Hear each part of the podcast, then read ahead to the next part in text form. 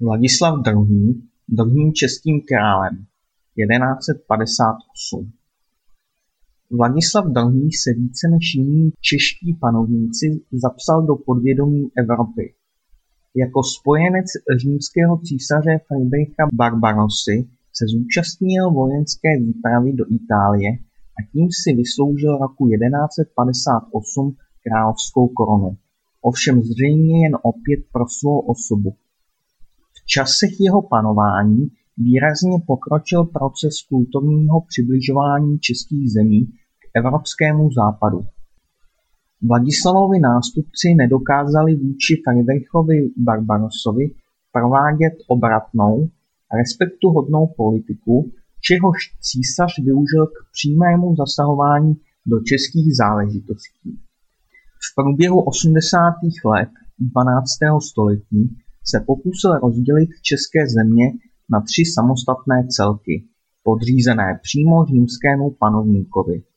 Tento krok však neměl pro integritu českých zemí závažnější následky, poněvadž Friedrich Barbarossa brzy zemřel a jeho nástupci postrádali autoritu.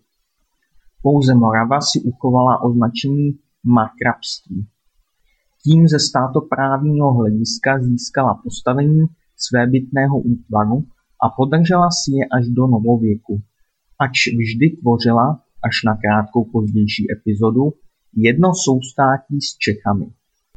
Pevné spojení obou zemí potvrzovalo obsazování úřadu moravského markraběte.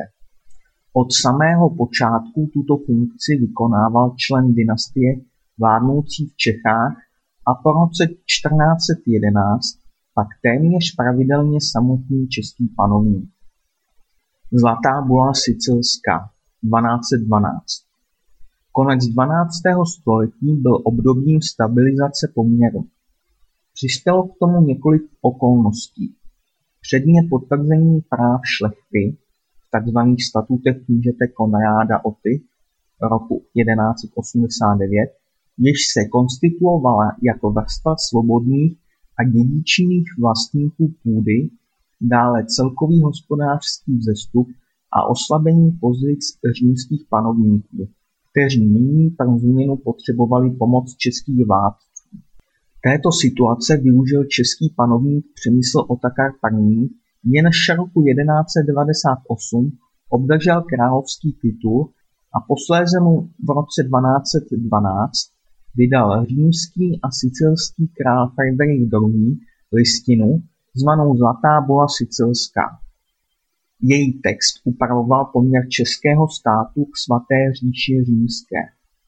Český panovník získal definitivně královskou hodnost, Čechy se z knížectví staly královstvím a zároveň nejpřednějším útvarem v rámci římské říše.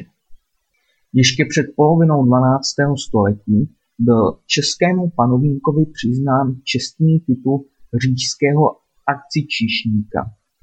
Významnější ovšem byla kurfiřtská hodnost, která z českého krále učinila jednoho ze sedmi kurfiřtů, volitelů římského panovníka.